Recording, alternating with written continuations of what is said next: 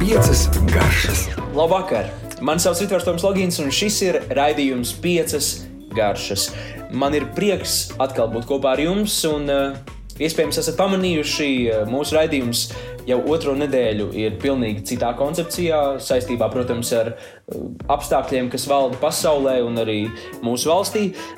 Raidījumu es ierakstu mājās un sniedzu jums padomus, kā garšīgi tikt cauri šai karantīnai, šai pašizolācijai, kā ekonomiski gatavot bagātīgas maltītes, kā iegūt vitamīnus dabā. Un tieši par vitamīniem dabā šovakar mēs runāsim raidījumā. Eh, Taču gribu arī atgādināt, ka iepriekšējās nedēļas raidījums par graudaugiem, par griķiem un to dažādo pielietošanu, par prosu, par miežiem, par lieliskiem veidiem, kā mēs varam pagatavot burvīgas, interesantas, vislabākajā šī vārda nozīmē, un arī garšīgas maltītes. Šī, šī raidījuma ieraksts ir pieejams 5LV arhīvā, kā arī 5LV mājaslapā, audio versijā. Bet par šī vakara raidījumu, tātad šovakar par pavasara dabas garšām un vitamīniem, kas jau ir pieejami dabā.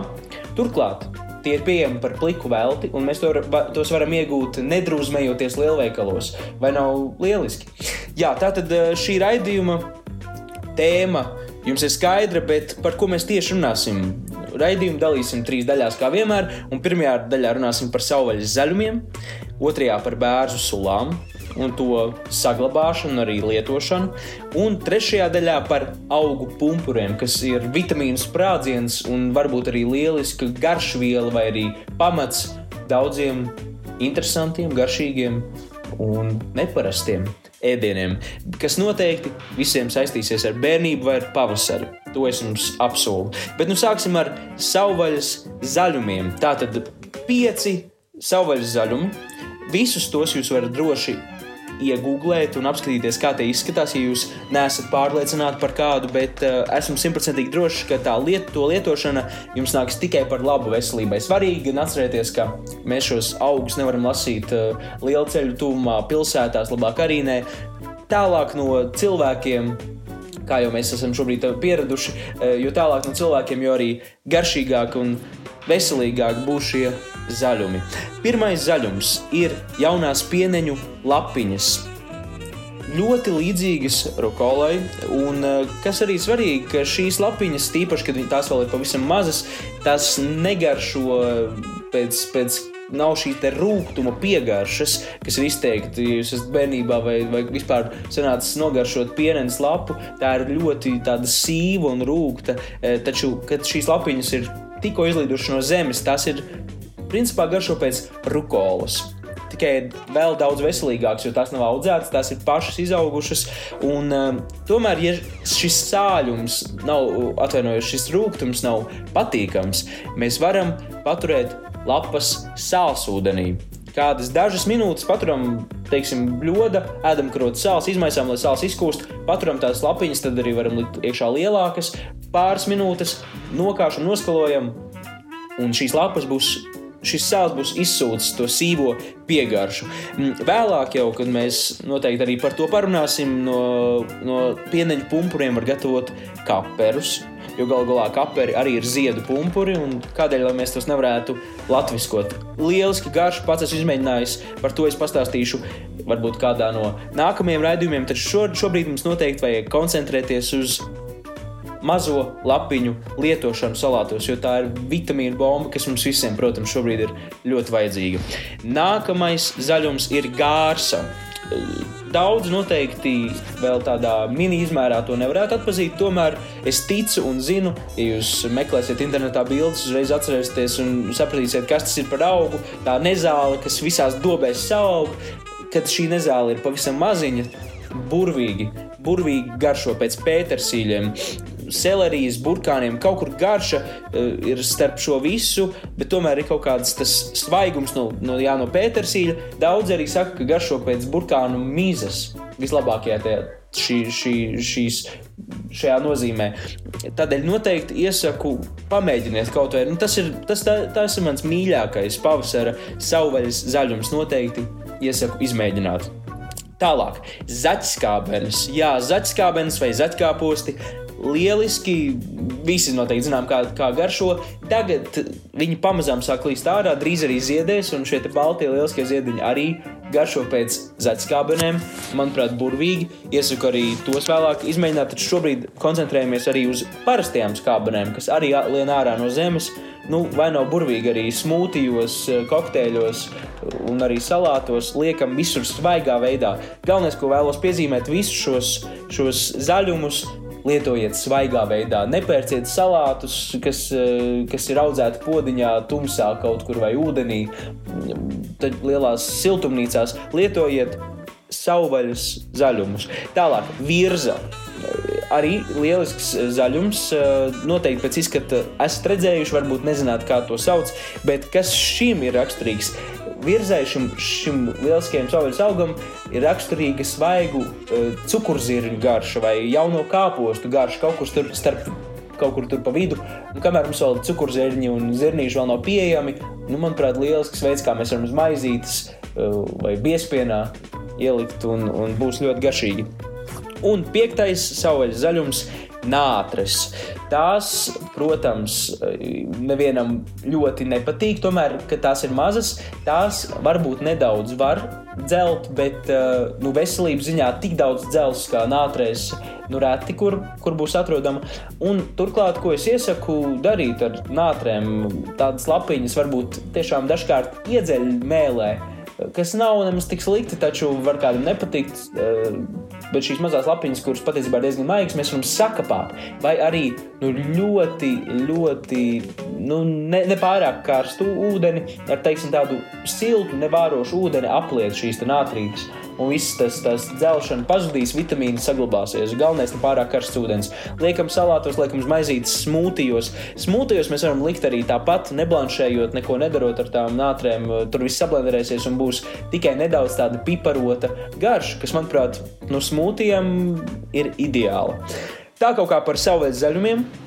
Eh, dodamies visu lasīt. Ja jūs klausāties svētdienā, noteikti varat to iet ārā darīt. Ja klausāties šovakar vakarā, tad iesaku to darīt gaismā no rīta. Tas būs vienkāršāk, taču jau pēc kompozīcijas eh, parunāsim par bērnu sulām.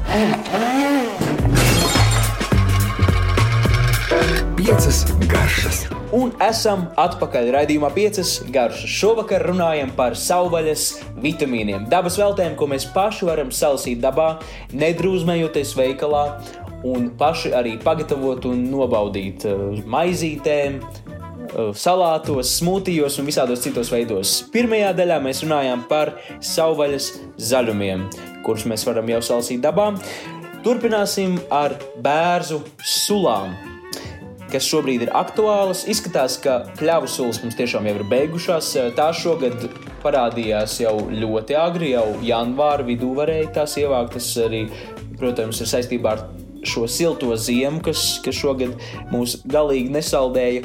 Mm, runājot par bērnu sulām, nu, pirmkārt, eh, it kā ir tas tā teorija, un zinātnieki saka to, ka pa visu tecināšanas laiku vajadzētu izdzert vismaz desmit litrus bērnu sulas, lai veiktu tādu ķermeņa attīrīšanos, Eh, vienmērīgi sadalot to. Tas nozīmē, ka divās dienās jāizdzer pa visu tecēšanas laiku, kas katru gadu, protams, ir citādāk un ļoti atkarīgs no tā, kāda ir laika apstākļi.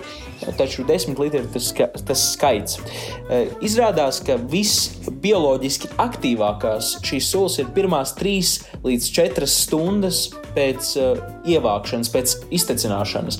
Tad tajā brīdī, tas, šajās, šajās pirmajās stundās, viņas vislabāk attīra organismu. Eh, protams, arī pēc tam tās ir ļoti labas un veselīgas. Tomēr, nu, ja ir iespēja, mēģinām to darīt pirmajās pirmajās stundās, un varbūt neticināt uzreiz 20 litrīgu kānu, bet pa 5 litriem ņemt uzreiz eh, un, un tecināt jaunas un lietot jau tās, tās pirmās sulas, kas īpaši šajā laikā, pašizolācijas laikā, kad nekur nav jāskrien lielākajai daļai iedzīvotāji, mēs to mierīgi varam arī nokontrolēt tik pa pāris stundām vienkārši paņemt pāris litrus saticējušās sulas un arī uzreiz baudīt. Kas notiek ar sulām pēc dienas vai divām, tās sāk rūkt. Un kā tad mēs varētu saglabāt šīs sulas tālākam laikam?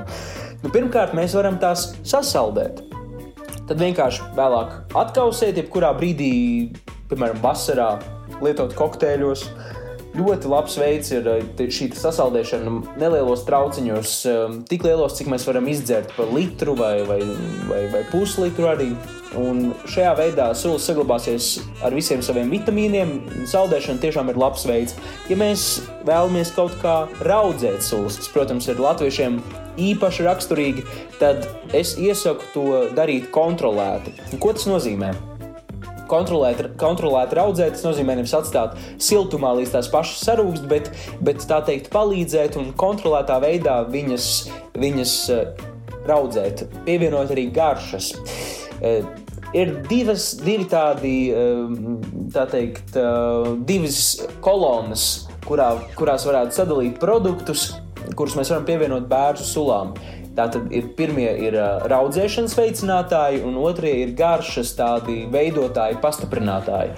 Nu, tā, tā pirmā grupa, tajā mēs varētu teikt, iekļaut rozīnas, eh, upeņu zariņu, arī teikarota cukura, jo šie, šie ir tādi tā produkti, kas palīdz rūkstošām. Cukurs vienkārši ar savu cukuru daudzumu palīdz visām raugu, ra, rūkstošajām baktērijām iedarboties. Savukārt rozīnes un uh, upeņu zariņš tur ir šīs raugu visādas mazās baktērijas labās, kas, kas palīdzēs iedarboties šim rūkšanas procesam. Var arī visas trīs pievienot, var arī nelikt klāt neko un mēģināt tāpat, bet nu, iesaku vismaz vienu no šiem pievienot. Un tad, protams, ir arī garšas stiprinātāji, kas ir citrona, miza, citrona šķēles, zinu arī citi liek uh, ziemas ābolus, uh, krustnagliņas, uh, nu, visu kaut ko es esmu dzirdējis, ka, ko cilvēki pievieno. Iesaku gan nepāršaut pār strīpuju, lai, lai nezaudētu šo sulu pamatgaršu. Uh, taču kas ir vissvarīgākais uh, šajā raudzēšanas procesā? Tās pirmās dienas mēs varam, vēl varam turēt tādā nepārāk siltā, bet ne, nu, nevēsā temperatūrā, tā teikt, vēsas istabas temperatūrā šīs sulas. Taču pēc tam ir svarīgi viņas turēt zem 15 grādiem, jo citādi sulas pārrūks un tās nebūs uh, garšīgas, būs šī asā, skābā piegarša un arī nejaukais aromāts. To mēs nevēlamies. Mēs vēlamies lēnu fermentāciju, lēnu šo skāpšanu, rūkšanu, sauciet to kā gribiet. Taču, jā, lēna, lē, lēns fermentācijas process notiks zemā temperatūrā, un, ja mēs to tiešām atstāsim kādā ļoti vēsā pagrabā, kur temperatūra nepārsniedz plus 5 grādus, šī fermentācija notiks lēnāk, garšas arī būs eh, komplicētākas, izteiksmīgākas. Noteikti iesaku tādā veidā to darīt. Un raudzēšanas procesā nevajag, protams, pārpildīt trauku ar šīm sulām, jo veidosies gāzes fermentācijas procesā, un, un tad tur var visādi nejauki notikt ar tiem traukiem. Tādēļ nepār, nepāršām par strīpu pildīšanā trauku, ievērojam temperatūru un skatāmies, ko mēs pievienojam klāt šīm sulām. Latvijā tiek ražot, arī ražot dažādi izstrādājumi no bērnu sulām, kas ir ieguvuši starptautisku atzinību. Starp citu, ir viens raidījums mums arī pieejams, kurā mums viesis bija uzņēmuma Birčī saimnieks. Viņš pastāstīja, ka viņš ražo bērnu sulu sīrupu, kur, kur nepieciešami 100 litri bērnu sulas, lai pagatavotu vienu litru sīrupa. Viņš tur kopā ar skudrām ir fermentējis šo, šo visu brīnumu, un uh, šo, šo viņa produktu ir iecienu, iecienījuši dažādi pasaules klases restorāni. Tāpēc es iesaku noteikti noklausīties šo raidījumu, ja ir iespējams. Tas šis raidījums bija janvārī. Uh, iesaku apstīties arhīvā, ir pieejams.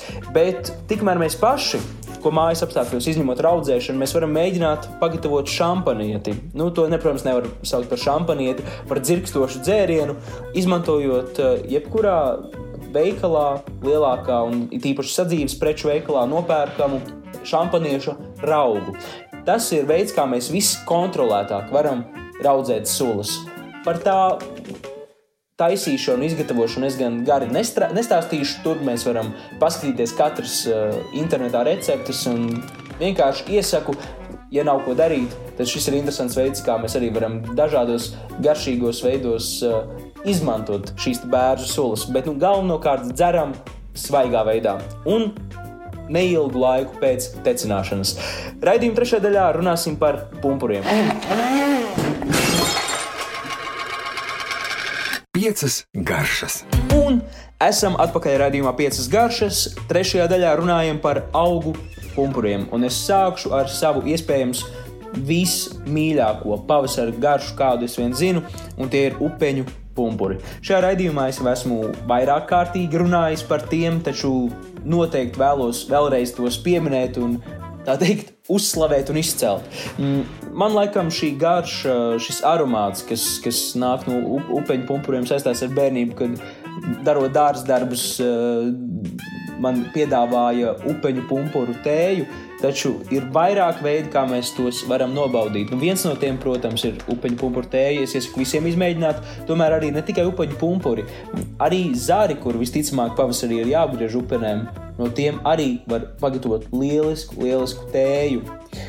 Iesaku tikai tos nomizot, likt lielā traukā vai katlā, uzliet ūdeni un, un tad jau uzvārīt, nedaudz pavārīt, ilgi vārīt nevajag un būs ļoti aromātiska un garšīga tēja.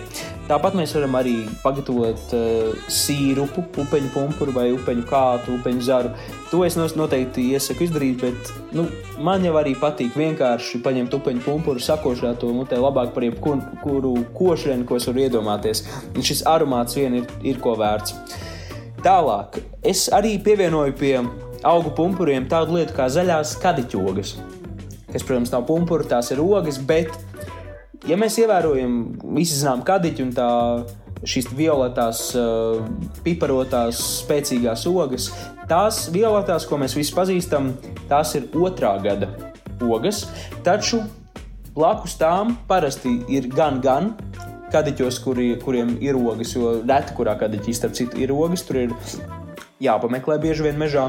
Taču Kadiķī kā tādā ir reizē vienā zarā pārsvarā gan zaļās, gan violetās odziņas. Un šīs zaļās odziņas ir pirmā gada, un to garša gan ir citrusīga, tāda eh, kaut kāda estragons, eikalipts, eh, citronīgs, jā, kaut, kaut kāds, varbūt vēl kaut kāds baziliks varētu būt arī. Šis te garš ir burvīga, un to es iesaku arī visiem ievākt un kaut kā izkaltēt tās zaļās vai arī blenderēt iekšā smūtijos, likt zupās, salātos, saldējos, saldējos arī saldētīgi, ļoti garšīgi gatavot no šīm ogām.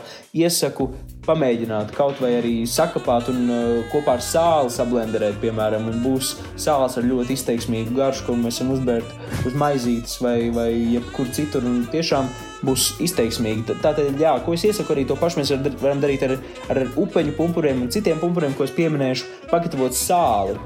Un tas ir labs veids, kā, protams, sāls ir izcils konservants, un tas ir labs veids, kā mēs varam saglabāt šo garšu un reizē, protams, izmantot šo, šo sāli dažādos veidos. Tālāk, bērnu pumpuri bērnu pumpuri, gan šis ir pēdējais brīdis, lai tos ievāktu, jo nu jau plauks lapiņas, un tajā brīdī, kad sāks plaukt lapiņas, tad arī, protams, bērnu sulas būs jāpārstāj tecināt.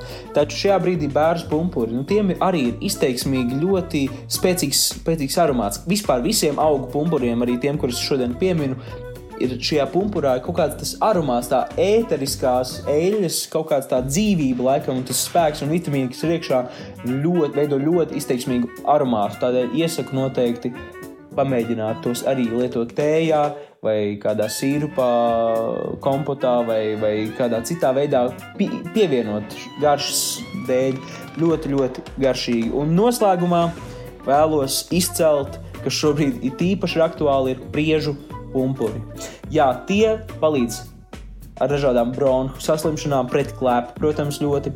Tādēļ nu, šajā laikā tas ir izteikti aktuāli, ja jums nav šī vīrusa, bet jums ir vienkārši klepus, eh, nu, tad nebaidiet apkārtējos ar savu klepu.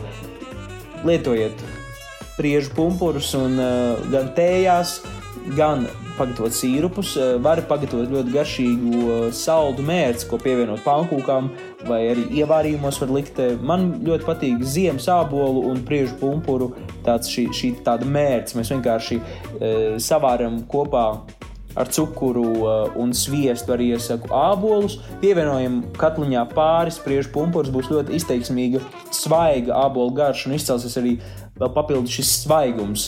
Un šādu te lielisku abolu uh, mērci vai, vai arī uh, ievārījumu. Mēs varam pievienot pankūkām, jebkurā desertā arī.